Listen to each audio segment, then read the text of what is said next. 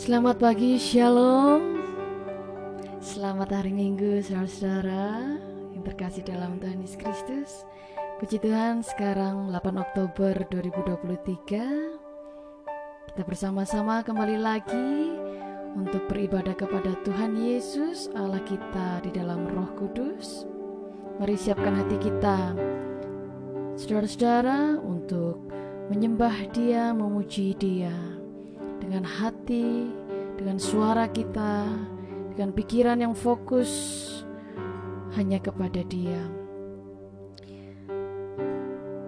Haleluya.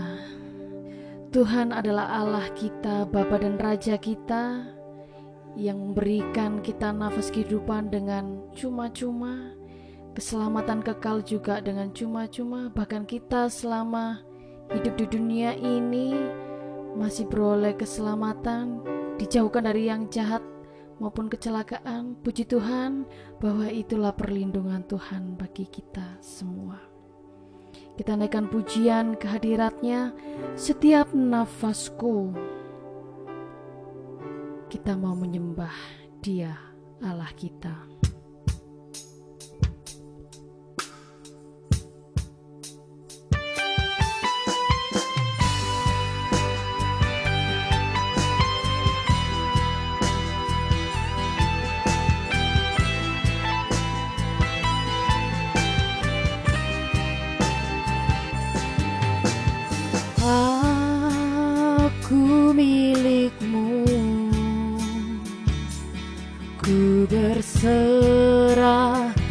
Kepadamu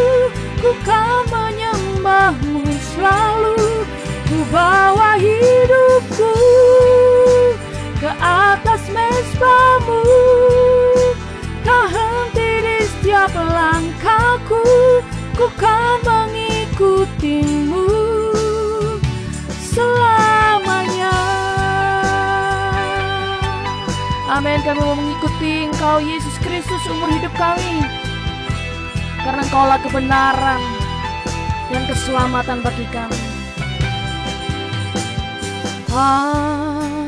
Aku milikmu, ku berserah kepadamu seluruh hidup kami Tuhan. Seluruh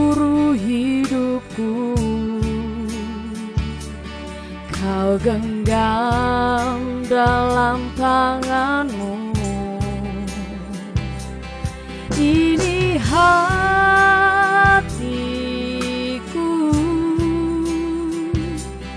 Hanya untukmu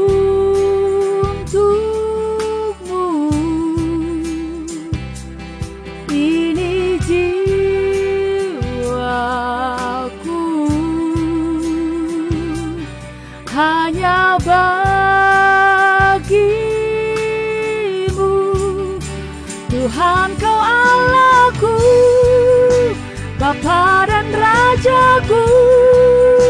Tak henti di setiap nafasku Ku kan menyembahmu selalu. Ku bawa hidupku Ke atas mesbamu. Tak henti di setiap langkahku Ku kan mengikutimu Tuhan kau Allahku Bapa dan Rajaku.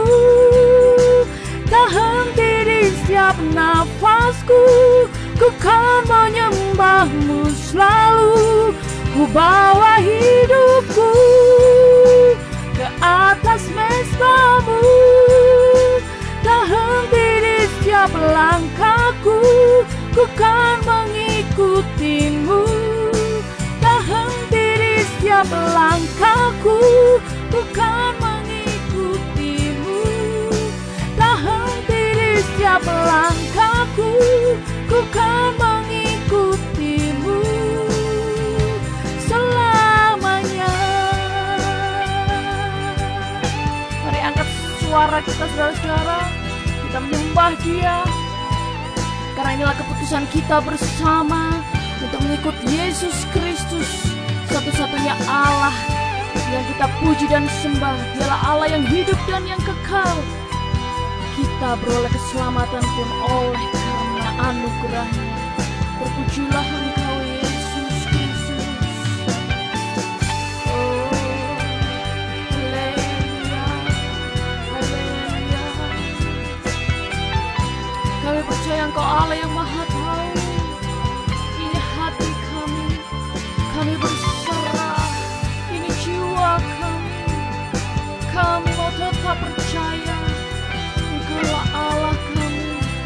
Setiap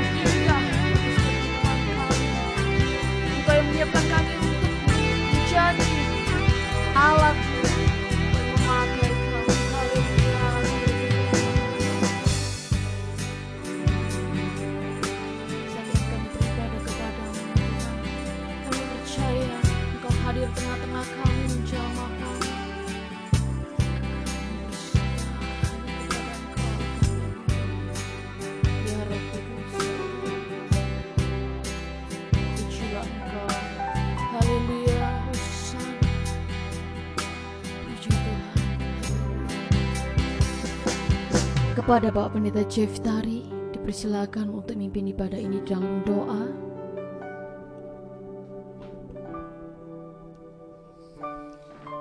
Ya baik. Mari kita semua umat Tuhan datang ke hadirat Tuhan di hari ini. Kita merendahkan hati dan membiarkan diri kita dibentuk dan diberkati oleh Tuhan. Itulah yang harus menjadi kebiasaan dan uh, kepatutan yang harus kita lakukan Bapa di surga kami bersyukur bahwa kami telah melakukan sebuah kepatutan yang ada di tengah kami sebagai umat Tuhan. Bahwa kami datang kepada Tuhan merendahkan hati memandang wajahmu dan memuliakan namamu, memuji kebesaranmu, kasihmu dan kekudusan Tuhan yang ada pada kami di tengah kami, yang membesarkan kami, yang memberikan kami makan minuman kesehatan dan keselamatan, yang memberikan damai sejahtera yang tiada habis-habisnya dalam hidup pribadi dan rumah tangga, bahkan jemaatmu dipelihara di dalam kemuliaanmu, maka turunlah anugerah Tuhan dari surga memenuhi kami di dalam ibadah kami hari ini sehingga kami pulang dengan penuh damai sejahtera dan sukacita dan setiap umat Tuhan yang tidak bisa hadir hari ini karena kondisi uh, kesehatan maupun kondisi-kondisi yang mereka tidak mampu atasi hari ini. Tuhan hadir di tengah mereka dan biar mereka merasakan bagaimana uh, indahnya bersekutu dengan Tuhan maka kami alaskan ibadah ini dalam nama Tuhan Yesus Kristus haleluya amin Puji Tuhan, terpujilah nama Tuhan, yaitu Yesus Kristus yang kuat dan penuh kemuliaan. Mari kita bangkit berdiri saudara, kita satu suara menyatakan kebesaran Tuhan tetap selamanya.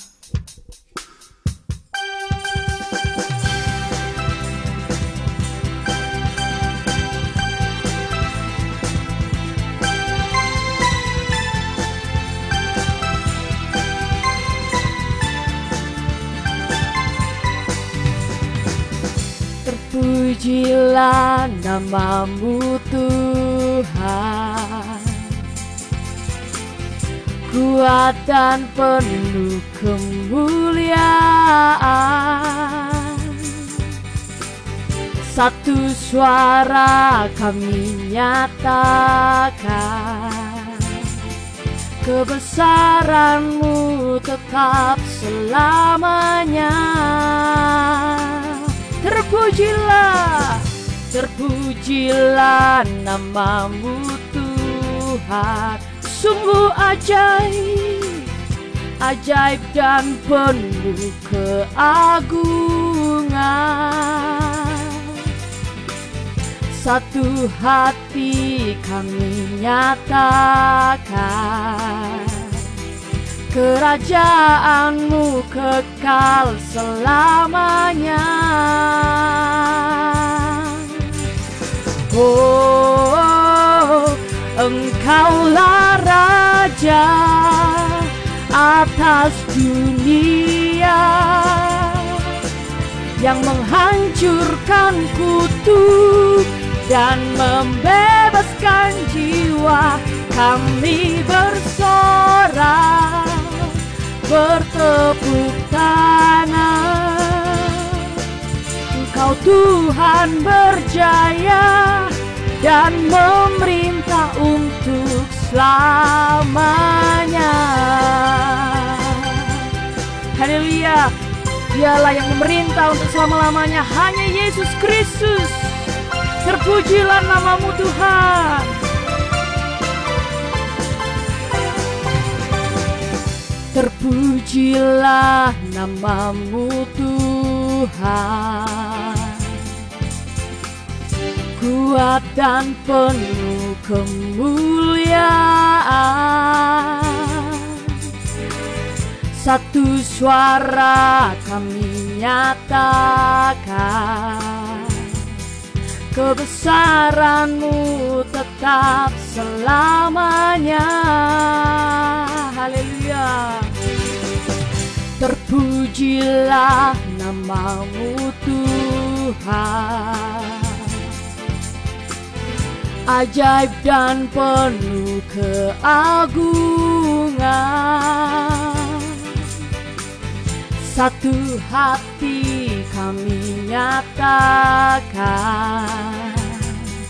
Kerajaanmu kekal selamanya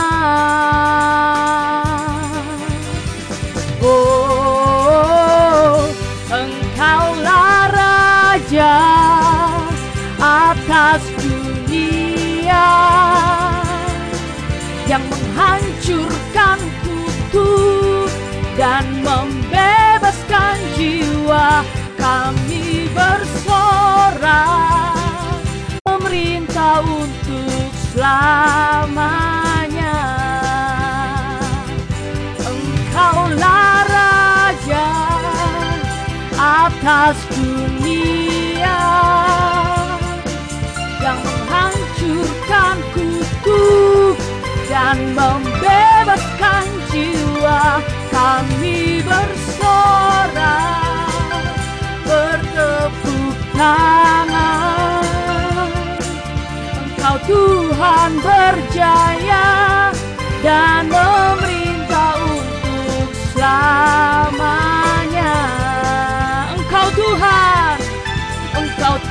Tuhan berjaya dan memerintah untuk selamanya. Amin. Haleluya. Terpujilah Tuhan kita Yesus Kristus. Saudara-saudara dipersilakan untuk duduk kembali. Kita tetap dalam pujian kepada Tuhan, kita membesarkan nama Tuhan karena kemurahan yang begitu besar tiada terkira. Namun kita semua dapat memuji dan menyembah Dia adalah hal yang terindah. Haleluya. Amin. Tuhan yang ajaib, Tuhan yang kuasa, Dialah penolong kita semua. Haleluya.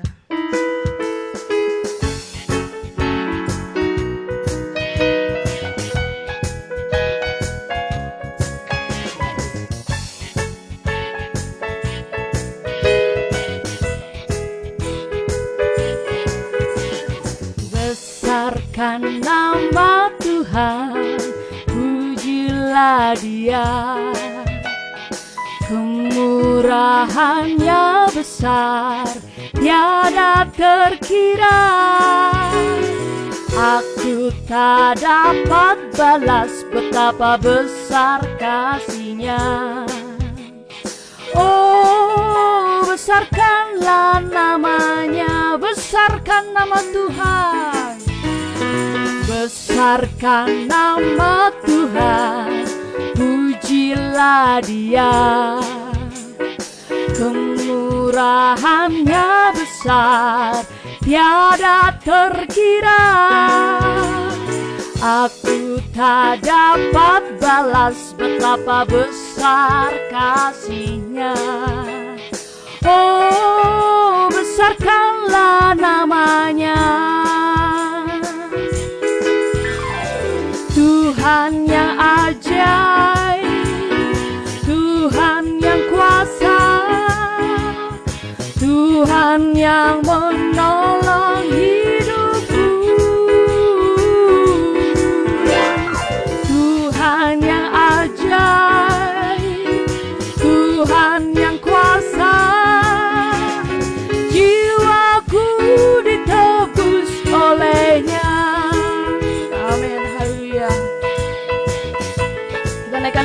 sekali lagi. Besarkan nama Tuhan, pujilah Dia. Kemurahannya besar, tiada terkira. Aku tak dapat balas betapa besar kasihnya. Besarkanlah namanya Tuhan yang ajaib. Tuhan yang ajaib. Tuhan yang kuasa. Tuhan yang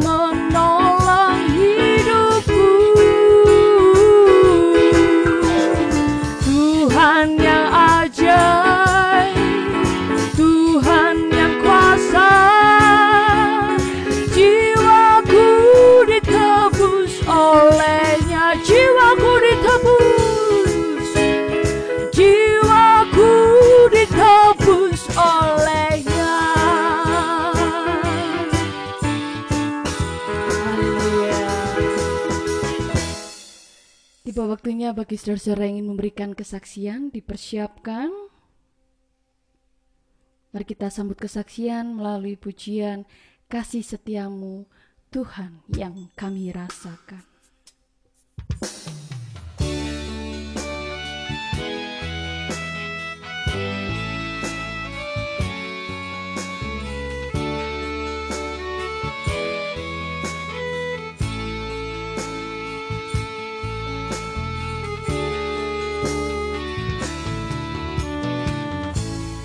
Kasih setiamu yang ku rasakan lebih tinggi dari langit biru. Kebaikanmu yang telah kau nyatakan. Lebih dalam dari lautan berkatmu Tuhan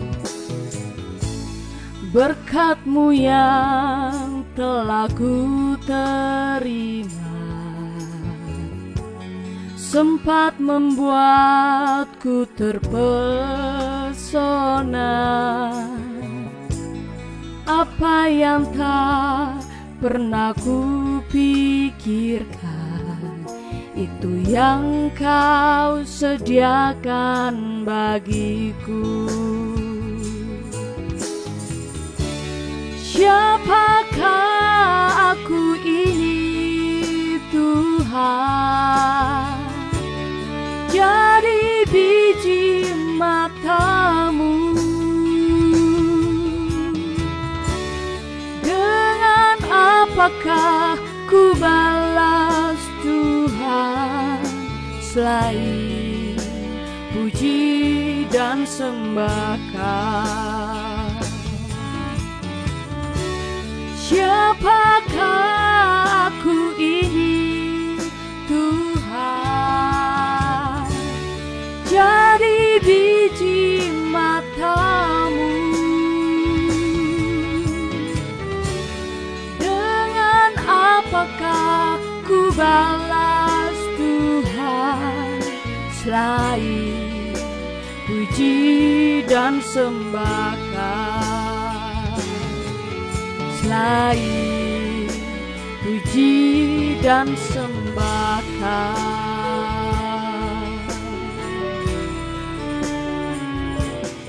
Dipersilakan kepada Bapak Ibu yang ingin memberikan kesaksian. Bapak Pendeta Ciftari. Ya, puji Tuhan ya. Ya, kali ini saya ingin menceritakan kesaksian ya kejadiannya minggu lalu persis minggu sore malam ya. Memang minggu lalu kami melakukan perkunjungan kepada anak kami uh, di satu desa namanya Pakis Haji. Ya jaraknya kurang lebih uh, ada 30 atau 40 km uh, dari kami di sini. Jadi ketika kami uh, pulang dari sana sudah agak malam ya. Karena sejak pagi kami memang uh, sudah selesai ibadah kami melakukan perkunjungan. Dan setelah pulang dari sana uh, sudah agak malam sedikit jam kalau tidak salah jam uh, 9 malam ya.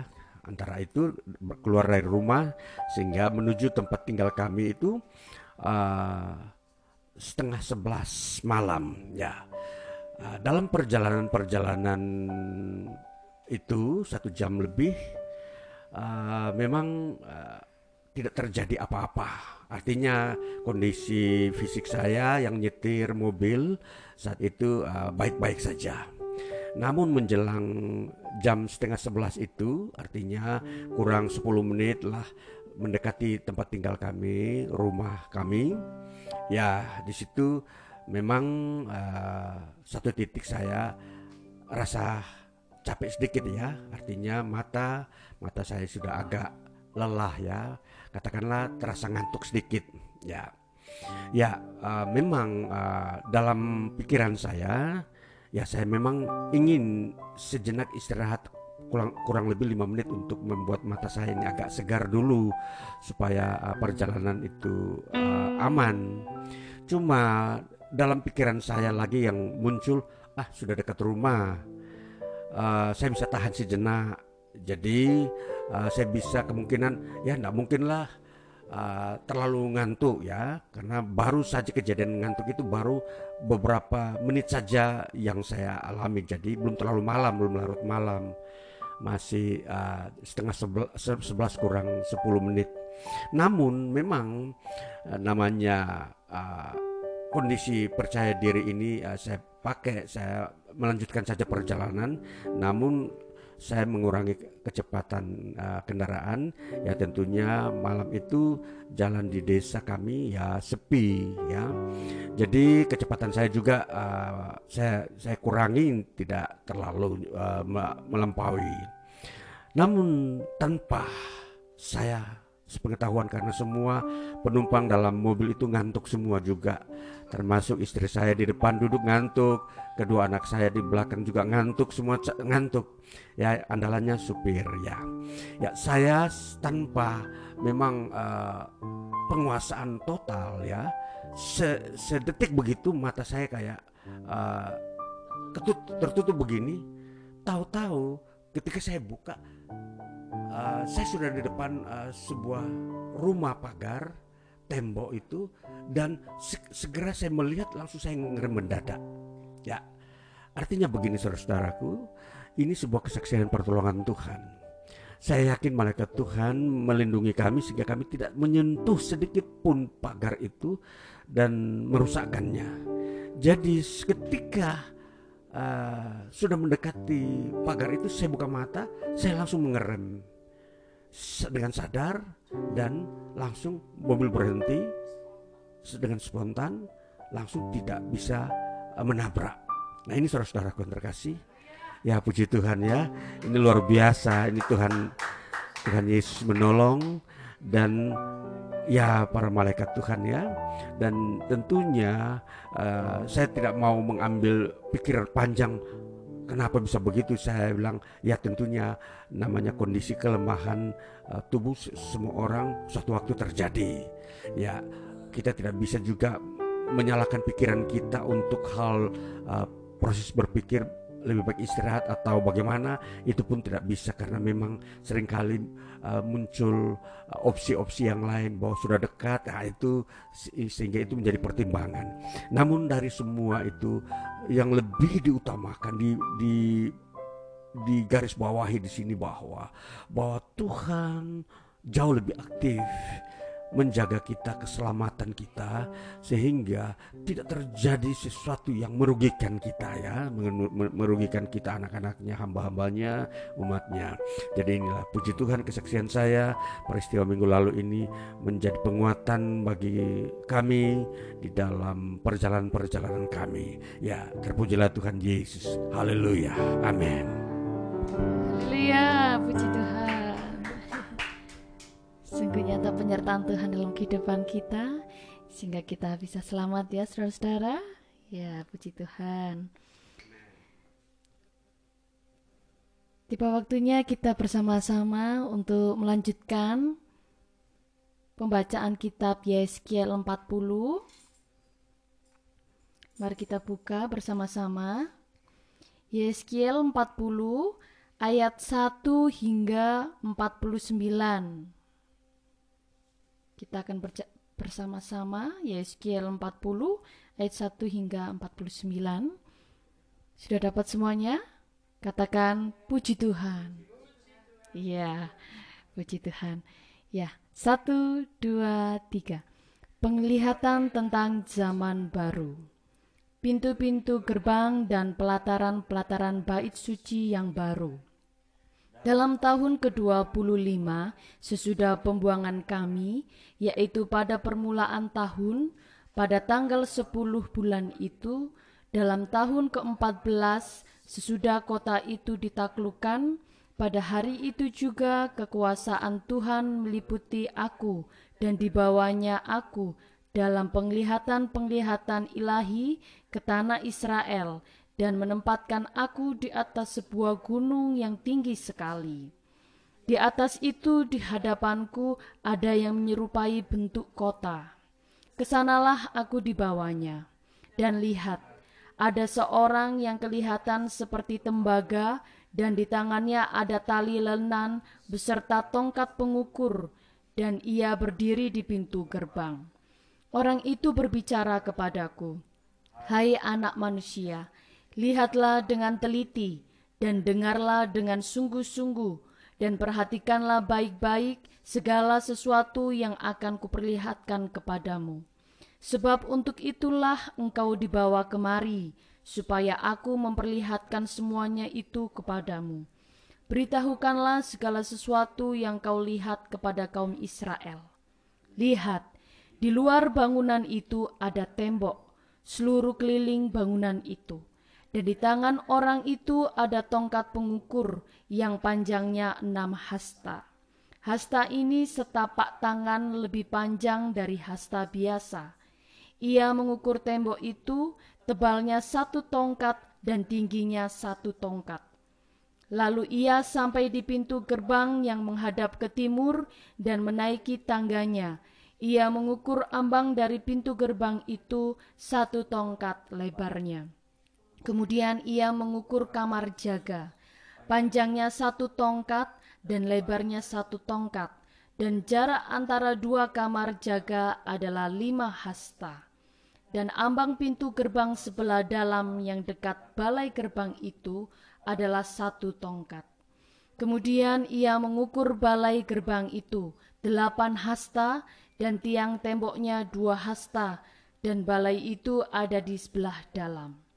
Mengenai kamar-kamar jaga yang di pintu gerbang sebelah timur itu ada tiga kamar pada tiap sisi Ketiga-tiganya sama ukurannya dan kedua tiang tembok pada kedua sisi sama juga ukurannya. Lalu ia mengukur lubang pintu gerbang itu, lebarnya sebelah dalam adalah sepuluh hasta dan lebarnya sebelah luar tiga belas hasta. Di bagian muka dari kamar-kamar jaga itu ada sekatan yang berukuran satu hasta dan demikian juga ukuran sekatan di sebelah yang lain. Dan ukuran kamar jaga itu adalah enam hasta pada kedua belah pihak. Lalu ia mengukur pintu gerbang itu dari dinding belakang kamar jaga yang satu sampai dinding belakang kamar jaga yang lain.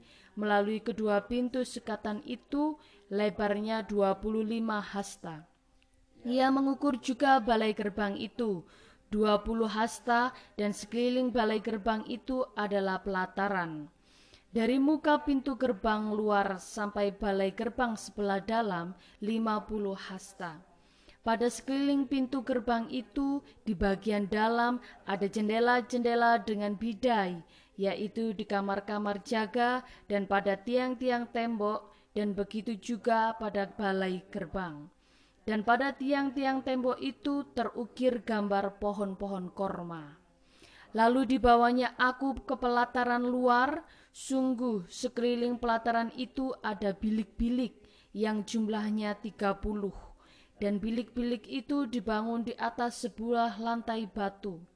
Dan lantai batu itu ada di samping pintu-pintu gerbang mengikuti panjangnya. Itulah lantai batu bawah. Kemudian ia mengukur lebar pelataran itu dari sebelah dalam pintu gerbang bawah sampai sebelah luar pintu gerbang dalam, seratus hasta. Lalu ia berjalan di depanku menuju ke utara dan sungguh ada pintu gerbang yang menghadap ke utara yang termasuk pelataran luar. Ia mengukur panjang dan lebarnya. Kamar jaganya tiga sebelah menyebelah tiang-tiang tembok dan balai gerbangnya adalah seukuran dengan pintu gerbang pertama. 50 hasta panjangnya dan lebarnya 25 hasta. Jendela-jendelanya, balai gerbangnya, dan gambar-gambar pohon kormanya seukuran juga dengan pintu gerbang yang menghadap ke timur. Orang dapat naik ke situ melalui tangga yang tujuh tingkat dan balai gerbangnya ada sebelah dalam. Di pelataran dalam ada sebuah pintu gerbang yang berhadapan dengan pintu gerbang utara, sama seperti halnya dengan pintu gerbang timur. Ia mengukur dari pintu gerbang sampai pintu gerbang seratus hasta. Kemudian ia membawa aku menuju selatan. Sungguh, ada sebuah pintu gerbang yang menghadap ke selatan. Ia mengukur kamar-kamar jaganya, tiang-tiang temboknya, dan balai gerbangnya. Ukurannya sama saja dengan yang lain-lain. Sekeliling pintu gerbang itu dan balai gerbangnya ada jendela-jendela yang sama dengan yang lain-lain. Panjang pintu gerbang itu 50 hasta dan lebarnya 25 hasta. Tangga ke situ adalah tujuh tingkat dan balai gerbangnya ada sebelah dalam. Pada pintu gerbang itu juga di tiang-tiang temboknya terukir gambar pohon-pohon korma, satu batang di sebelah sini dan satu batang di sebelah sana. Di bagian selatan pelataran dalam ada juga pintu gerbang.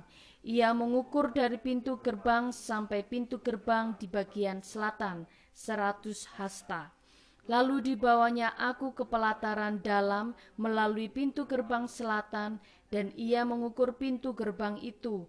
Ukurannya sama saja dengan yang lain-lain kamar-kamar jaganya, tiang-tiang temboknya, dan balai gerbangnya ukurannya sama saja dengan yang lain-lain. Sekeliling pintu gerbang itu dan balai gerbangnya ada jendela-jendela. Panjang pintu gerbang itu 50 hasta dan lebarnya 25 hasta. Sekelilingnya ada balai-balai gerbang, panjangnya 25 hasta dan lebarnya 5 hasta. Balai gerbangnya adalah sebelah pelataran luar dan pada tiang-tiang temboknya terukir gambar pohon-pohon korma dan tangganya ke atas ada delapan tingkat. Lalu dibawanya aku ke sebelah timur pelataran dalam dan ia mengukur pintu gerbang yang di situ dan ukurannya sama saja dengan yang lain-lain. Kamar-kamar jaganya, tiang-tiang temboknya, dan balai gerbangnya Ukurannya sama saja dengan yang lain-lain. Sekeliling pintu gerbang itu dan balai gerbangnya ada jendela-jendela. Panjang pintu gerbang itu 50 hasta dan lebarnya 25 hasta. Balai gerbangnya adalah sebelah pelataran luar dan pada tiang-tiang temboknya terukir gambar pohon-pohon korma sebelah sini dan sebelah sana dan tangganya ke atas ada delapan tingkat. Kemudian dibawanya aku ke pintu gerbang utara dan ia mengukurnya, dan ukurannya sama saja dengan yang lain-lain. Kamar-kamar jaganya, tiang-tiang temboknya, dan balai gerbangnya, ukurannya sama saja dengan yang lain-lain. Dan sekelilingnya ada jendela-jendela. Panjang pintu gerbang itu 50 hasta dan lebarnya 25 hasta. Balai gerbangnya adalah sebelah pelataran luar dan pada tiang-tiang temboknya terukir gambar pohon-pohon korma. Sebelah sini dan sebelah sana dan tangganya ke atas ada delapan tingkat. Ada juga sebuah bilik yang pintunya di balai gerbang dan di sana orang membasuh korban bakaran. Dalam balai gerbang itu ada dua meja sebelah sini dan dua meja sebelah sana tempat menyembelih korban bakaran, korban penghapus dosa, dan korban penebus salah. Di samping kiri balai gerbang, di sebelah luar, ada dua meja, dan di samping kanan balai gerbang itu juga dua meja. Jadi di pintu gerbang itu ada empat meja sebelah sini dan empat meja sebelah sana. Semuanya delapan meja di situ untuk tempat menyembelih korban. Ada juga empat meja lagi untuk korban bakaran yang diperbuat dari batu pahat. Panjangnya satu setengah hasta, lebarnya satu setengah hasta, dan tingginya satu hasta. Di sana diletakkan perkakas-perkakas untuk menyembelih korban bakaran dan korban sembelihan. Sekeliling ruangan itu dipakukan gantungan-gantungan yang panjangnya setapak tangan, dan di atas meja-meja itu diletakkan daging korban. Lalu dibawanya aku ke pelataran dalam, sungguh di sana ada dua bilik, yaitu satu di samping pintu gerbang utara dan mukanya menghadap ke selatan, satu lagi di samping pintu gerbang selatan dan mukanya menghadap ke utara. Ia berkata kepadaku, Bilik ini yang mukanya menghadap ke selatan adalah bagi imam-imam yang bertugas di bait suci dan bilik yang mukanya menghadap ke utara adalah bagi imam-imam yang bertugas di mesbah. Mereka ini adalah Bani Zadok dan hanya golongan inilah dari Bani Lewi yang boleh mendekat kepada Tuhan untuk menyelenggarakan kebaktian. Lalu ia mengukur pelataran dalam. Itu suatu empat persegi yang panjangnya seratus hasta dan lebarnya seratus hasta. Mesbah ada di hadapan bait suci. Bait suci yang baru. Lalu dibawanya aku ke balai bait suci dan ia mengukur tiang-tiang temboknya. Tebalnya lima hasta yang sebelah sini dan lima hasta yang sebelah sana. Lebar pintu itu empat belas hasta dan dinding sampingnya masing-masing tiga hasta. Panjang balai bait suci itu adalah dua puluh hasta dan lebarnya dua belas hasta. Orang dapat naik ke situ melalui tangga yang sepuluh tingkat dan dekat kedua tiang tembok itu ada dua tiang, satu sebelah sini dan satu sebelah sana. Demikian pembacaan kitab Yeskiel pasal 40. Selanjutnya kita akan mendengarkan firman Tuhan yang akan disampaikan oleh Bapak Pendeta Ceftari. Mari kita sambut dan siapkan hati kita dengan pujian kepada Yesus Kristus dalam Kristus.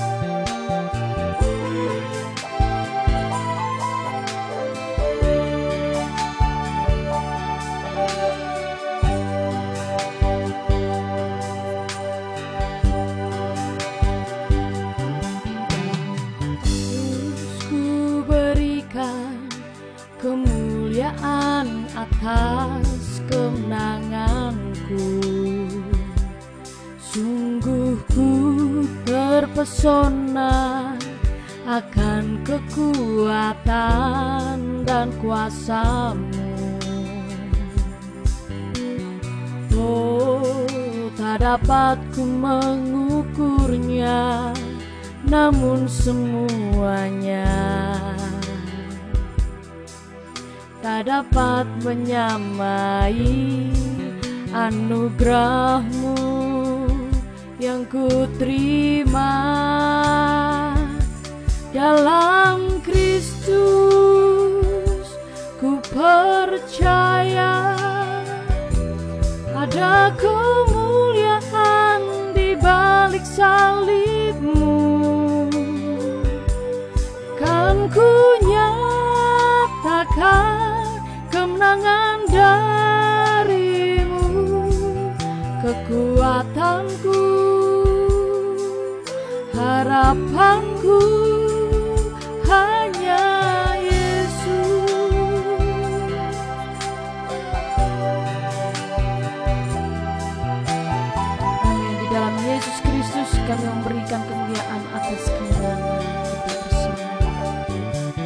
Dalam Kristus ku berikan kemuliaan atas kemenanganku.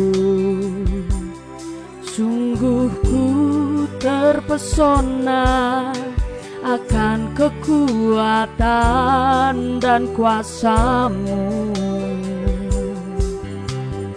Oh tak dapat ku mengukurnya namun semuanya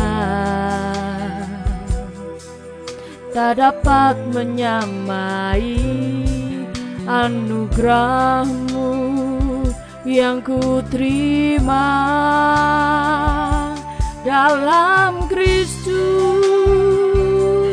Ku percaya ada kemuliaan di balik salibmu kan ku nyatakan kemenangan darimu kekuatanku harapanku dalam Kristus. Ku percaya ada kemuliaan di balik salibmu ku nyatakan kemenangan darimu kekuatanku harapanku hanya Yesus kan ku nyatakan kemenangan darimu kekuatan harapanku hanya Yesus.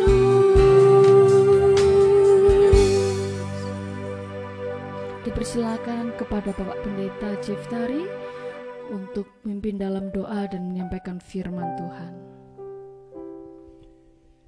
Ya baik jemaat Tuhan yang terkasih Kitalah umat yang akan diberkati Tuhan dalam hari hidup kita Karena kitalah umat yang dipilih Tuhan Untuk siap menerima berkat yang Tuhan telah sediakan. Itulah perlulah dengan penuh kesadaran Bahwa kita adalah orang atau umat Tuhan yang Tuhan melayakkan berkatnya untuk dicurahkan dari sorga agar kita hidup di dalamnya dan kita menggunakan berkat Tuhan dengan baik dan benar demi juga kemuliaan nama Tuhan baiklah mari kita masuk dalam doa kita bersama untuk mendengarkan firman Tuhan di hari ini yang akan membukakan berkat Tuhan bagi kita di hari-hari berikutnya. Kita berdoa, ya Bapa, ya Tuhan kami Yesus Kristus, ya Roh Kudus, di dalam kebenaran-Mu dan kehendak-Mu, kami datang dan kami percaya bahwa di hadirat Tuhan kami akan menemukan kemuliaan Tuhan dan berkat Tuhan. Kami akan menemukan kekuatan baru yang Tuhan sediakan bagi setiap kami umat-Mu yang hidup di dunia ini. Itulah sebabnya Bapa, tidak sia-sia kami datang dalam ibadah kami, di dalam duduk memuji Tuhan, di dalam menaikkan doa dan mendengarkan firman. Terlebih ketika kami bermasmur menyembah dan membaca Alkitab firman-Mu, itu menjadi pengenalan kami akan firman-Mu. Biarlah ya Tuhan, kekayaanmu Engkau alirkan pada setiap kami umatmu di hari ini yang datang di tempat ini beribadah maupun mereka yang uh, berada di beberapa tempat lain baik di rumah maupun uh, di tempat yang mereka tuju karena ada sesuatu kepentingan maupun jemaat Tuhan yang lain yang ada di berbagai tempat baik di pedalaman dalam tugas-tugas uh, keluar kota bahkan dinas-dinas mereka yang ada di perbatasan-perbatasan pulau sekalipun mereka yang dapat mendengarkan firman-Mu berkati dan kami berdoa di hari ini biar kasih karunia Tuhan bekerja memenuhi kami memberkati kami. Di dalam nama Tuhan Yesus Kristus kami mau berdoa dan mau mendengarkan firman-Mu. Haleluya. Amin. Ya, shalom saudaraku yang terkasih. Ya, terpujilah Tuhan kita Yesus Kristus. Di hari ini kita sebagai umatnya bersama-sama kita ada dalam ibadah di minggu ini 8 uh, Oktober. Ya, puji Tuhan, di hari ini kita akan bersama-sama membaca firman Tuhan yang terambil dari kitab Efesus pasal yang kelima ayat 22 hingga 33. Bunyinya demikian. Kasih Kristus adalah dasar hidup suami istri. Hai istri, tunduklah kepada suamimu seperti kepada Tuhan, karena suami adalah kepala istri, sama seperti Kristus adalah kepala jemaat. Dialah yang menyelamatkan tubuh. Karena itu, sebagaimana jemaat tunduk kepada Kristus, demikian jugalah istri kepada suami dalam segala sesuatu. Hai suami, kasihilah istrimu sebagaimana Kristus telah mengasihi jemaat dan telah menyerahkan dirinya baginya. Untuk menguduskannya sesudah ia menyucikannya dengan memandikannya dengan air dan firman. Supaya dengan demikian ia menempatkan jemaat di hadapan dirinya dengan cemerlang tanpa cacat atau kerut atau yang serupa itu tetapi supaya jemaat kudus dan tidak bercela demikian juga suami harus mengasihi istrinya sama seperti tubuhnya sendiri siapa yang mengasihi istrinya mengasihi dirinya sendiri sebab tidak pernah orang membenci tubuhnya sendiri, tetapi mengasuhnya dan merawatinya. Sama seperti Kristus terhadap jemaat. Karena kita adalah anggota tubuhnya. Sebab itu laki-laki akan meninggalkan ayahnya dan ibunya dan bersatu dengan istrinya sehingga keduanya itu menjadi satu daging. Rahasia ini besar, tetapi yang aku maksudkan ialah hubungan Kristus dan jemaat. Bagaimanapun juga, bagi kamu masing-masing berlaku, kasihilah istrimu seperti dirimu sendiri, dan istri hendaklah menghormati suaminya. Ya, puji Tuhan. Uh, terpujilah Tuhan kita Yesus Kristus dengan firman-Nya. Dan firman Tuhan kita sudah baca dari uh, bagian ini. Dan tentunya uh, firman Tuhan ini kita mau mengerti di bawah sebuah sorotan tema karakter keluarga. Ya karakter keluarga. Kita ringkas saja sehingga nanti kita bisa uh, melihat kejelasan titik terang di mana sesungguhnya uh, karakter daripada keluarga. Saudaraku yang terkasih, dikatakan di dalam uh, bagian yang pertama daripada ayat yang kita baca di sini ayat 22 diserukan hai istri. Ya, kalau kita uh, melihat penegasannya ternyata uh, didahulukan istri yang diserukan, ya uh, penegasan hai istri tunduklah kepada suamimu seperti kepada Tuhan.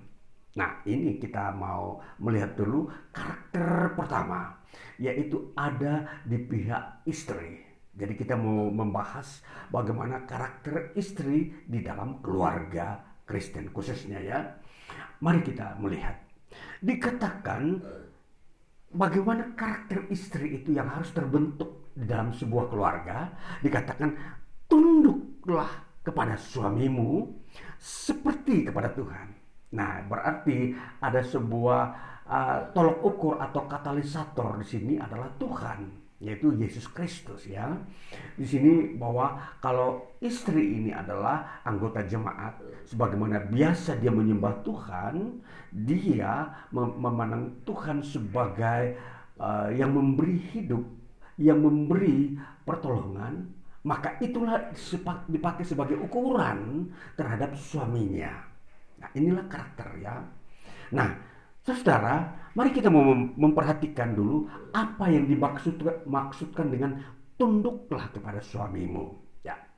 Mari kita membahasnya, kita memperhatikan bahwa kata tunduk itu sendiri di dalam teks Yunani-nya memakai kata hupotaso. Ya. Hupotaso ini kalau diterjemahkan ada empat makna. Yang pertama, tunduk. Yang kedua, rendahkanlah dirimu. Yang ketiga, takluk. Yang keempat, dalam asuhan. Ya, mari kita mau menyimak bagaimana kita mau uh, menemukan makna kata hupotaso ini dalam hub, sehubungan dengan istri tunduk kepada suami. Ya ini perlu kejelasan ya sehingga kita mau mengerti penundukan diri itu harus terang. Karena kalau tanpa penjelasan dari sebuah sumber katanya atau kata induknya atau bahasa ibunya, maka kita bisa mengarang-arang penundukan itu uh, menurut ukuran-ukuran setiap budaya. Ya, kita tahu bahwa di dunia ini setiap suku bangsa mempunyai budaya bagaimana memaknai sebuah kata sehingga sering kali uh, bisa terjadi sebuah penyalahgunaan atau kesalahan dalam menafsirkan. Nah, itulah sebabnya kita harus uh, sebagai penafsir penafsir Alkitab kita perlu bergantung kepada bahasa ibu Bahasa ibu Alkitab Perjanjian Baru adalah bahasa Yunani. Nah, itulah sebabnya kita tidak boleh meninggalkan itu. Dan itulah yang akan menjelaskan kepada kita makna kata. Maka seperti eh, sebagaimana yang saya sudah sampaikan tadi, kata dasar yang dipakai oleh tunduklah di sini adalah hupotaso. Ya. Nah, hupotaso hupotaso ini saya sudah memberikan makna arti ada empat uh, tingkatan di sini sehingga masing-masing arti ini mempunyai makna-makna dalam hidup kita. Nah, baik mari kita perhatikan saudara-saudara. Kita memperhatikan dulu kata tunduklah. Nah, kata ini kita memperhatikan sifatnya dulu. Kata ini bersifat perintah pasif, ya. Nanti kita mau memperhatikan uh, uh, sifat-sifat dari kata ini. Kenapa disebut perintah pasif? Sebab ada perintah aktif. Nanti kita akan mengerti lagi suami disuruh mengasihi. Itu perintah aktif. Nah, sekarang kita mau menerima uh, makna perintah pasif. Perintah pasif itu begini. Kita disuruh uh, melakukan perintah Tuhan, tetapi dalam kondisi kita pasif. Bagaimana kita uh, memaknainya? Saya kasih contoh. Ketika saya sakit, katakanlah sakit gigi, saya pergi ke dokter untuk uh, supaya dokter menangani gigi saya. Saya sampai di dokter do, uh, di ruang prakteknya dan dokter uh, memeriksa saya dan dia suruh saya berbaring. Ya. Setelah saya berbaring, di sinilah berarti saya pasif. Ya. Saya ini pergi membutuhkan pertolongan dokter. Nah, itu berarti saya itu aktif pertama, ya. Saya melangkahkan kaki saya ke dokter, itu saya aktif tetapi ketika saya berhadapan dengan dokter yang mau menolong saya, saya langsung pasif. Karena apa? Saya sudah ditangani oleh dokter menyangkut gigi saya yang akan dicabut. Nah, maka proses ketika saya ada di hadapan dokter, saya sudah pasif. Nah, saya menuruti perintah dokter. Dokter katakan begini, silakan berbaring, saya berbaring. Dokter berkata, Buka mulutnya, saya buka mulut. Dokter berkata, gigi mana yang mau dicabut? Saya katakan gigi atas bagian belakang. Maka dokter melihat itu. Nah, inilah saya sebenarnya pasif. Walaupun saya disebut melakukan perintah. Tapi saya sedang pasif karena saya sedang mau ditolong. Nah, mari kita melihat perintah pasif ini. Perintah pasif yang kedua saya kasih contoh. Saya ini uh, rambut saya sudah panjang ya. Saya membutuhkan seorang pangkas rambut untuk memotong rambut saya. Maka saya pergi ke salon saya sampai di salon dan saya berkata kepada pemangkas rambut tolong potong rambut saya sependek sekian model sekian. Dan tukang pemangkas berkata silahkan duduk. Nah ketika saya duduk si pemangkas rambut ini mengambil, mengambil alat potong rambutnya. Saya berdiam diri Sekiranya kalau saya melawan atau saya tidak mengikuti perintahnya dia, maka rambut saya akan acak-acakan dipotong tidak beraturan. Ya, makanya harus saya pasif. Pasif itu berarti berdiam. Ya, mengikuti perintah daripada orang yang uh, sedang mau menolong kita. Nah, ini contoh yang kedua. Maka saya mau menjelaskan tentang apa itu perintah pasif di mana istri tunduk kepada suami. Kita lihat dalam makna yang pertama, tunduk. Makna kedua, rendahkanlah dirimu. Makna yang ketiga, takluk. Makna yang keempat, dalam asuhan. Kita melihat kata yang pertama, tunduk. Seorang istri tunduk kepada suaminya sesuai dengan ilustrasi tadi uh, perintah pasif. Maka ketika dia dia berhadapan dengan suaminya, maka Suaminya berkata apa, dia mengikuti perintah itu. Dan uh, suamilah yang uh, me, meng, uh, mengoperasionalkan apa yang dia perintahkan. Ya, kita memperhatikan. Maka di sini posisi suami dia aktif, dia yang akan uh, menjalani apa kebutuhan istri. Ya, karena sesuai dengan anjuran daripada suami, maka istri harus mengikutinya. Nah, itu disebut tunduk. Nah, saudara-saudara, kita memperhatikan sesuai dengan saya kasih ilustrasi tadi, kita harus uh, berada pada ilustrasi yang tadi ya, seorang dokter dan seorang pemangkas rambut ya. Kita tidak tidak boleh berahli pikiran kita dari situ di dalam mengerti uh, peranan istri ya, tunduk kepada suami. Nah, jadi istri katakanlah kalau dia tidak mengikuti sebuah anjuran suami, apa yang terjadi saudara-saudara? Kalau dia misalkan saya ilustrasikan tadi, dokter mencabut gigi kita lalu kita meronta menutup mulut atau mengalihkan wajah kita, maka gigi kita tidak akan ditangani. Tentu saja dokter bilang percuma kamu datang ke saya mau cabut gigi tapi kamu menutup mulut dan tidak mengikuti instruksi saya. Ah, begitu ya. Sama halnya dengan yang ilustrasi kedua. Kalau saya uh, aktif terus, tidak berdiam di tempat pemangkas rambut, maka rambut saya tidak akan terpotong dengan baik. Sama. Seorang istri di dalam kehidupan berkeluarga, dia berhadapan dengan suami yang pertama. Suami akan berkata, ayo kita bangun pagi untuk memulai pekerjaan. Ya, instruksinya harus dikerjakan. Istri hanya mengikuti. Ya, jadi ini ide dari suami. Maka dari sinilah akan mempunyai tujuan adalah untuk memenuhi kebutuhan istri dan juga suami yang memberikan instruksi. Ya, semua itu dari suami. Maka dari sinilah kita mau mengerti bahwa penundukan istri terhadap suami dari sisi untuk memenuhi kebutuhan istri, saudara-saudara. Nah, nanti kita akan mengerti bahwa suami mengasihi istri itu ada alasan bahwa untuk memenuhi kebutuhan istri. Nah, inilah karakter ya. Jadi kita mau melihat karakter pertama istri tadi ya, dia tunduk. Nah, kedua, dia merendahkan diri. Kita melihat makna yang kedua dari hupotaso tadi. Rendahkanlah dirimu. Nah, jadi ketika suami uh, berbincang-bincang dan mengarahkan perjalanan uh, kehidupan sehari-hari dan rumah tangga ini, suami tentunya akan berbicara sesuai dengan apa yang dia uh, rindukan untuk diberikan kepada istrinya. Ya, dia mempunyai motivasi agar apa yang dia instruksi, instruksikan dan rencanakan itu untuk kebahagiaan istrinya. Sehingga wajar kalau istri ini merendahkan diri. Oh iya, ya kita kerjakan sama-sama. Ya, oke okay lah. Katakanlah ada orang uh, dari latar belakang keluarga pedagang, maka mereka akan berdagang bersama-sama. Kalau ada dari latar belakang keluarga uh, mereka seorang pegawai negeri sipil, mereka juga mengerjakannya bersama-sama. Jadi semua dari sebuah ide yang datang dari si suami.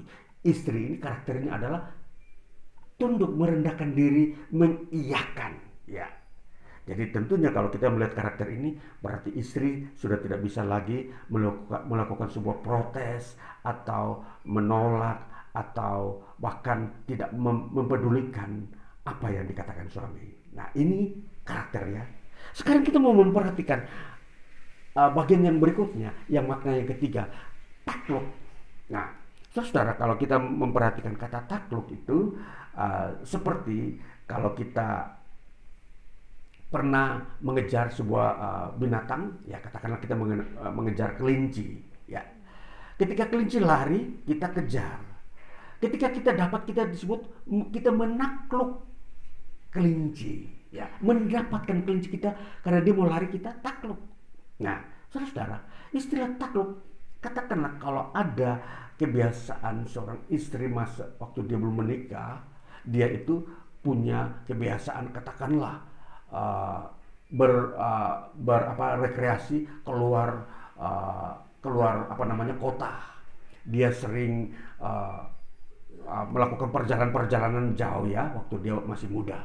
Tetapi ketika dia berkeluarga dia harus tunduk takluk kepada suaminya yang di rumah yang bisa saja saat itu suaminya tidak tidak uh, harus sering uh, keluar rumah atau berrekreasi, dia harus takluk kepada kebiasaan itu.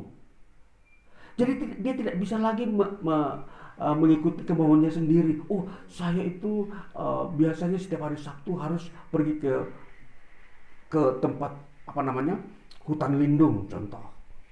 Ya bolehlah, tetapi tidak setiap waktu kata si suami. Nah itu berarti tidak setiap Sabtu, bisa saja Sabtu pertama dan Sabtu keempat atau hanya sekali dalam sebulan. Nah, ini saudara-saudara, penaklukan istri itu takluk kepada suami. Nah, ini yang dimaksudkan. Kalau suami berkata, ya jangan dulu, harus takluk. Tidak bisa membantah, tidak bisa mau pergi sendiri dan berjalan sendiri. Nah, ini sesuatu yang uh, melanggar ya Nah ini saudara-saudara, karakter ini yang kita harus mengerti yang disebut takluk, hupotaso, makna yang ketiga. Sekarang makna yang keempat, dalam asuhan. Ya, kalau kita mengerti juga dalam asuhan contoh ya, contoh bagaimana uh, seseorang mengasuh anak yang katakanlah dia itu uh, ketertinggalan men mental ya, uh, katakanlah mentalnya kurang kurang bagus, sering kali dia melakukan kejahatan tanpa terkontrol, perlu diasuh, di diayomi, dilindungi, dijaga. Nah, Pengertian kata ini, istri pun sama. Harus dalam lindungan suami, asuhan. Dilindungi. Ada karakter mungkin yang belum beres di pihak istri pada waktu masa dia belum menikah. Harus dipantau, harus diasuh, di, dibina. Oh, itu keliru. Ya, harus dirubah. Ya, begitulah. Katakanlah, kita tidak tahu kebiasaan makan seorang wanita waktu dia belum menikah makannya mungkin banyak sehingga dia, menjadi uh, over apa namanya um, obesitas contoh si suami berhak me, me, me, mengawasi jangan makan itu lagi atau menasihati ya harus olahraga supaya uh, apa namanya kesehatan kesehatan tubuhnya uh, baik dan normal. Nah ini saudara-saudara ini makna-makna ini arti tunduk. Ya saudara-saudara, jadi fungsi uh, bagaimana suami melihat istri itu harus dalam pemantauannya. Jadi masih banyak setiap karakter setiap orang itu beragam di dunia ini, macam-macam. Dan di sini momentumnya mengalami perubahan ketika menikah. Jangan saudara berpikir setelah menikah malah tambah bebas, tidak mau terurus atau tidak mau tunduk kepada suami. Malah ya saudara-saudara karakter yang kurang baik itu malah lebih muncul. Nah ini sebenarnya tidak boleh terjadi. Nah inilah penerangan daripada firman Tuhan mengajar bahwa bagaimana seorang istri, hai istri tunduklah kepada suami sama seperti kepada Tuhan. Ya, ini jadi menghargai suami. Kalau engkau menghargai suami, engkau pandanglah Tuhan dulu. Kalau engkau bisa memandang Tuhan sebagai Tuhanmu untuk memberikan hidup kepadamu, maka itu sebagai katalisator untuk engkau memandang suamimu.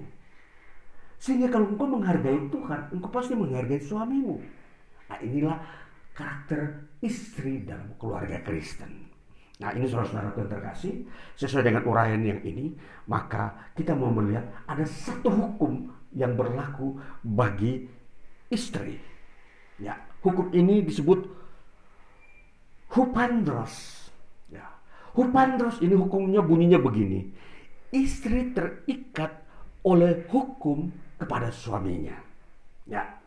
Jadi dia tidak bisa ke mana-mana tanpa seizin suami. Nah, jadi kalau dia sudah bersuami, dia sudah tidak bisa lagi dikomandoi komandoi oleh orang lain.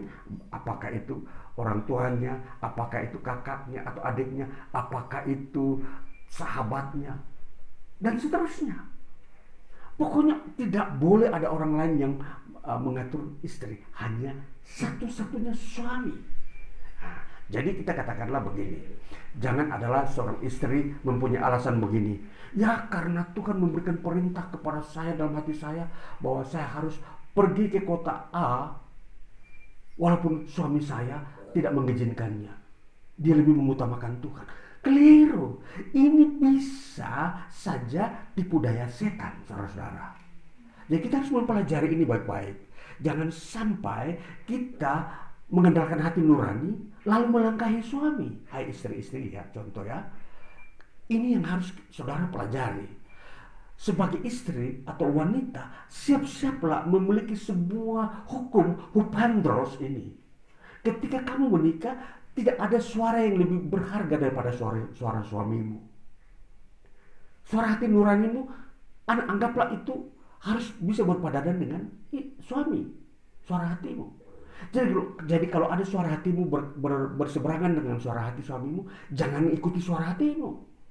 Karena engkau sudah terikat kepada suami. Hupandros. Nah, ini hupandros ini hukum yang mengikat bahwa istri istri harus tunduk kepada suami.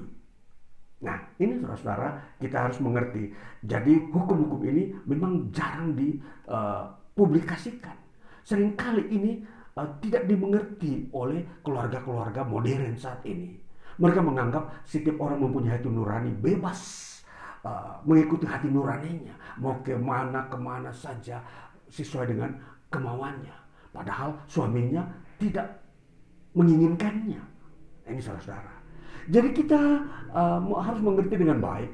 Ada satu hukum yang disebut hukum terus ini yang harus dimengerti oleh sang istri. Ya, jadi hormatilah suamimu. Nah, ini sebuah uh, karakter Kristen dalam keluarga. Ya. Lalu saudara-saudara, kita mau memperhatikan bahwa kalau kita sudah melihat hukum terus ini, maka ini adalah esensi dari karakter istri. Maka istri jangan jangan uh, sekali-sekali, jangan sekali-sekali melangkahi suamimu. Jangan sekali-sekali engkau lebih mendengar suara orang lain daripada suara, suara suamimu. Jangan. Suara suamimu itu harus engkau lebih mengutamakan dan itu sangat berharga bagi dirimu.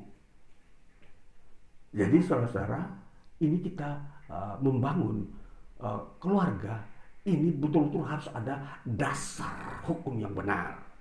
Tanpa dasar hukum yaitu firman Tuhan, maka manusia tidak mampu membangun keluarganya dengan baik. Tidak ada keharmonisan di dalamnya.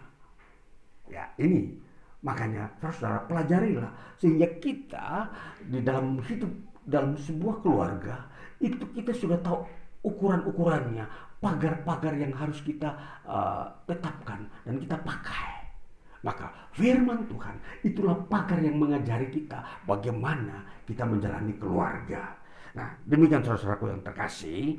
Jadi baik mari kita mau uh, melihat bahwa bagaimana uh, karakter istri.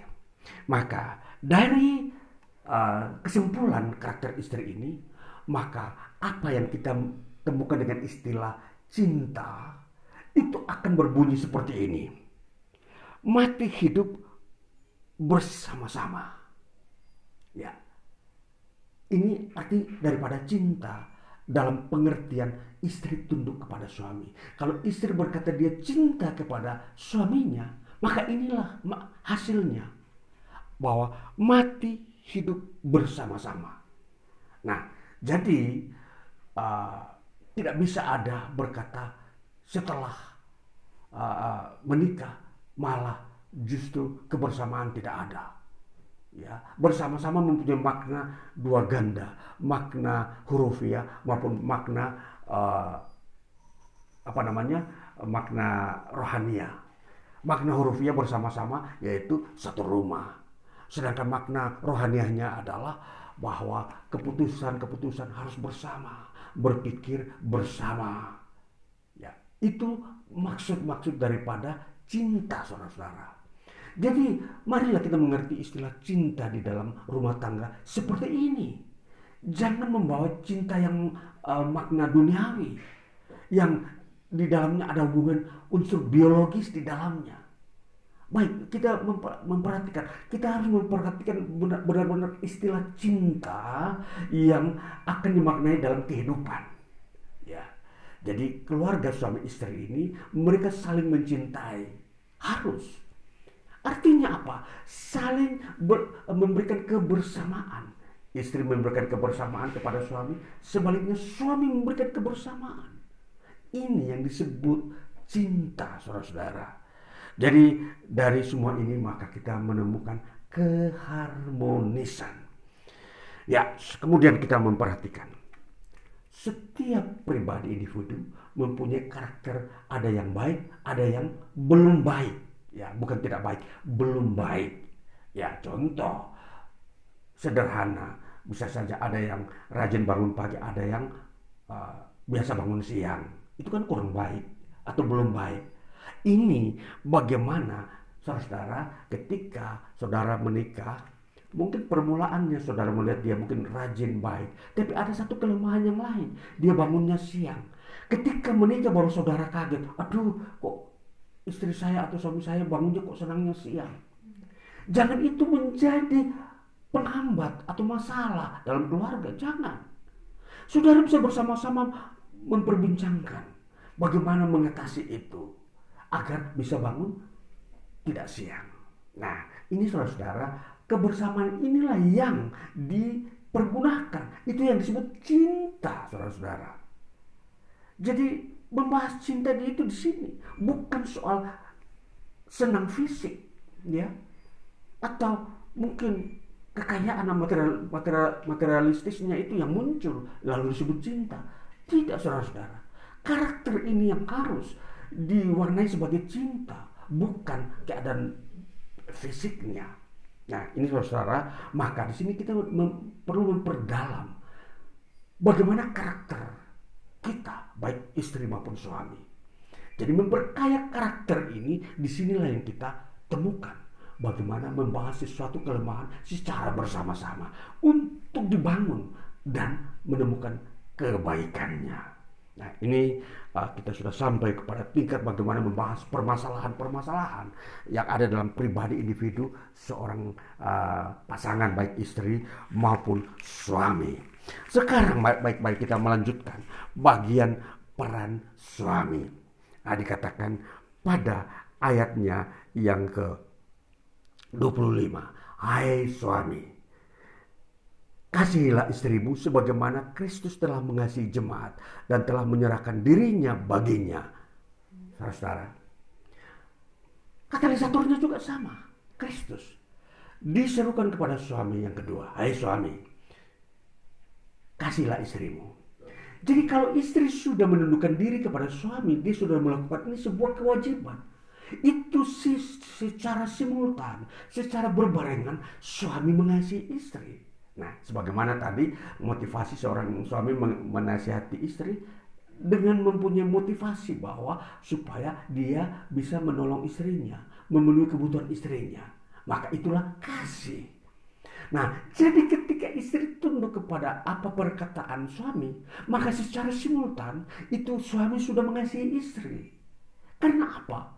Di dalam nasihat suami itu mengandung unsur memberikan keberuntungan kepada istri. istri. Nah, itulah motivasi yang harus ada dalam seorang suami. Maka kita memperhatikan bahwa kalau suami hidup mengasihi istri sebagaimana dia mengasihi uh, sebagaimana patokannya Kristus mengasihi jemaat, ya. Kristus sangat mengasihi jemaatnya. Itulah sebabnya suami pun harus sangat mengasihi istrinya. Nah, jadi dengan motif motif seperti ini sangat mengasihi, maka tidak akan mungkin ada celah-celah. Tetapi yang muncul adalah pengudusan karakter. Saudara-saudara, kita memperhatikan. Jemaat Kristus ini tidak semua langsung 100% murni ya, kudus atau tidak bersalah. Tapi Kristus tetap mengasihi dengan cara merubah sedikit demi sedikit pembaruan budinya, Mungkin dia sering kali malas-malasan, Tuhan tegur dia bertobat. Dia perbarui lagi. Dan seterusnya itu didikan Kristus kepada setiap anggota jemaat itu seperti itu. Supaya terjadi pembaruan di dalam pribadi jemaat. Nah, sebagaimana sang istri. Kalau seorang suami melihat istrinya, katakanlah uh, dalam kelemahan, dia tidak memarahinya, tetapi dia mendidiknya. Dia berkata, "Hei istriku, lihatlah aku mau mendidik kamu supaya kamu itu baik, mungkin sehat, supaya kamu juga uh, uh, bertambah-tambah uh, dalam kehidupan ini baik itu berkat-berkat Tuhan. Maka dia mendidiknya uh, sebagaimana apa yang diinginkan Tuhan supaya berubah. Jadi di dalam pernikahan saudara-saudara, jangan saudara berangan-angan bahwa pasti menemukan pasangan yang sempurna. Tidak akan ada masalah. Oh, Sebelumnya kamu kamu melihat kelihatannya baik-baik. Setelah menikah kok kelihatannya tidak baik. Saudara-saudara, ini yang sering saya dengar keluar daripada orang-orang setelah menikah. Dulunya begitu perhatian setelah menikah kurang. Nah, saudara-saudara, ini memang ah, dilema-dilema yang muncul ketika orang masuk dalam pernikahan. Nah, jadi kita harus tahu bahwa apa yang muncul ketika seseorang sudah menikah Jangan itu menjadi sebuah uh, perdebatan atau masalah dalam rumah tangga. Ya. Jangan berkata, oh berarti dulu kamu menutup-nutup dirimu seolah berpura-pura baik, tahu-tahu setelah berkeluarga kelihatan belangnya. Jangan saudara-saudara. Itu bukan uh, konsep-konsep Kristen yang harus dipakai. Tetap berprinsip bahwa engkau mengasihi istrimu, marilah bersama-sama merubahnya. Ya, belang-belang itu dirubah menjadi murni polos Nah, jadi sebagaimana Kristus juga membuat jemaat itu kudus. Peranan suami juga harus bagaimana bersama istri bahwa masuk kepada kemurnian. Nah, saudara-saudara, memang sekalipun demikian suami pun bukan berarti sudah sempurna. Istri pun bisa menuntun suami kalau suatu waktu suami juga ada dalam kondisi kurang uh, sempurna. Membahas bersama untuk mengalami perubahan. Nah, ini pembahasan seperti inilah saudara-saudara yang kita harus pahami eh, baik-baik, baik yang sudah berkeluarga, yang akan berkeluarga, simak baik-baik uh, kondisi-kondisi yang akan terjadi di dalam setiap rumah tangga. Kemudian saudara-saudaraku yang terkasih, kita melihat bahwa bahwa suami dia berada di dalam kata perintah aktif. Agapate. Agapate ini adalah perintah aktif. Sebagaimana tadi kalau perintah pasif istri, dia pasif, menunggu uh, apa namanya pelayanan-pelayanan uh, dari suaminya. Sekarang kita melihat suami bagaimana peranannya dia. Dia harus mengasihi istri dalam kondisi aktif, bukan pasif. Berarti apa? Dia harus yang bekerja. Dia bahkan berkorban saudara-saudara. Bagaimana seorang yang aktif? Saya kasih contoh tadi, kalau seorang yang aktif dia bekerja menata ya seperti dokter merawat supaya sembuh. Seorang tukang pangkas rambut uh, bekerja bagaimana menata supaya uh, potongan rambutnya itu uh, kelihatan baik. Itu aktif. Nah inilah suami. Bagaimana mengasihi istri? Dia harus aktif menata supaya kasih itu bisa terwujud. Saudara, di dalam pengertian uh, apa itu kasih? Kasih itu itu harus diperlihatkan, bukan disembunyikan. Agapate itu perintah aktif ini itu harus diperlihatkan, betul-betul nyata dilihat oleh mata. Jadi istri harus bisa melihat sang suami mengasihi dia atau menyukai dia. Agapate itu mempunyai dua makna, mengasihi dan menyukai mengasihi istilahnya itu dalam pengertian uh, rohaninya ya kita lihat itu dalam posisi betul-betul uh, dirasakan oleh perasaan perasaannya yang uh, rasa bahwa itu kasih sedangkan dengan menyukai itu di uh, dalam uh, fisik lahiriah jadi Bukan sekedar kata aku mencintaimu, tapi tidak ada wujudnya. Waktu dia melahirkan saja tidak pernah diantar ke rumah sakit. Bagaimana bisa engkau berkata mencintai istrimu? Dia sedang uh, butuh pertolongan uh, pendampinganmu ketika ke dokter untuk periksa. Engkau bilang engkau sibuk, lebih mengutamakan pekerjaan daripada uh, mendampingi istri memeriksakan ke dokter ketika dia hamil atau mau melahirkan. Nah itulah yang disebut um, agapati itu uh, perintah aktif. Ini dia saudara-saudara, mengertilah. Jadi ketika sesibuk apa pun saudara dalam pekerjaan, bisnis apa pun, ketika suami istrimu mau melahirkan, tinggalkan pekerjaanmu itu. Dampingilah istrimu. Kecuali kalau saudara sakit ya tidak mungkinlah saudara uh, dengan keadaan lemah sakit hadir dalam proses persalinan istri saudara. Jadi itu pengecualian. Tetapi selama saudara sehat dan hanya pekerjaan saja yang menjadi hambatan, maka tinggalkanlah pekerjaan itu. Hari itu untuk mendampingi istri saudara yang sedang akan melahirkan. Nah inilah yang disebut perintah aktif. Dirasakan oleh istri perkataanmu, tetapi bisa dirasakan secara fisik pertolonganmu. Nah ini saudara-saudara pemahaman-pemahaman perintah aktif dalam hal perintah Tuhan kepada suami. Hai suami, kasihilah istrimu. Ini dia perintah aktif. Jadi suami harus mengerti ini baik-baik. Lihat bahwa Tuhan memberikan uh, pernikahan bagi saudara untuk saudara siap melakukan perintah Tuhan untuk mengasihi istri. Ya, ini jadi tidak bisa uh, dengan uh, cara lain di dalam pernikahan. Yang harus ada nyata di dalam sebuah keluarga adalah karakter suami mengasihi istri. Nah inilah karakter suami. Jadi kalau suami kurang peduli menolong istri, itu karakternya kurang baik. Maka harus diperbaiki saudara-saudara Saudara-saudara yang sudah menikah, perhatikan karakter saudara suami-suami. Lihatlah kalau saudara waktu uh, pada saat kalau saudara masih uh, baru menikah, perhatik, perhatikan baik-baik karakter saudara sebagai karakter suami. Sehingga keharmonisan itu terwujud. Dan seterusnya masih ada perjalanan pernikahan keluarga-keluarga ini supaya sampai tua pun karakter ini terjaga saudara-saudara.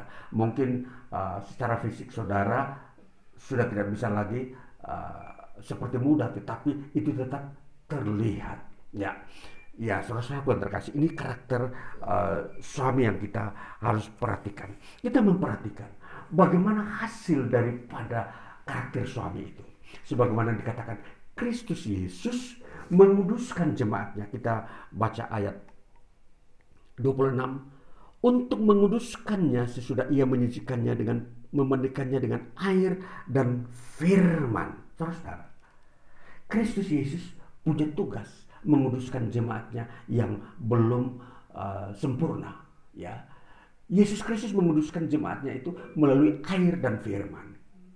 Air itu adalah baptisan. Firman itu adalah pengajarannya. Itulah sebabnya saudara-saudara, ketika saudara dewasa, saudara menjadi jemaat Kristus itu dikuduskan lebih awal melalui baptisan, permandian, air.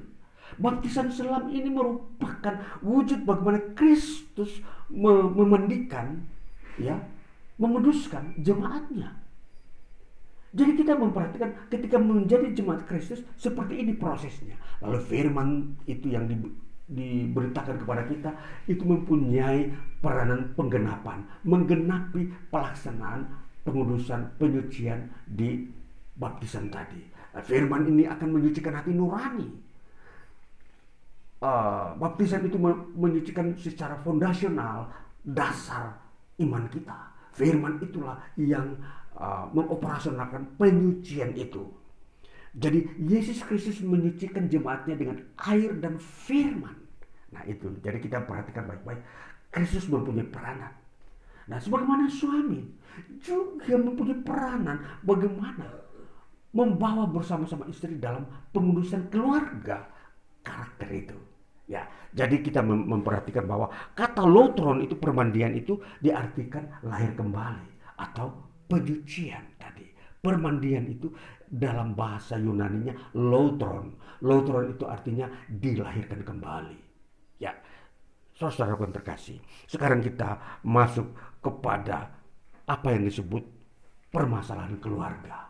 Permasalahan keluarga hanya terletak pada satu kunci, yaitu kalau keluarga salah satu pasangan tidak taat, maka terjadilah konflik. Terjadilah ketidakharmonisan.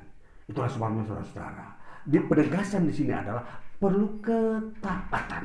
Maka inilah kita menemukan bahwa apa yang diajarkan firman Tuhan kepada kita perlu ditaati untuk mendapatkan keharmonisan.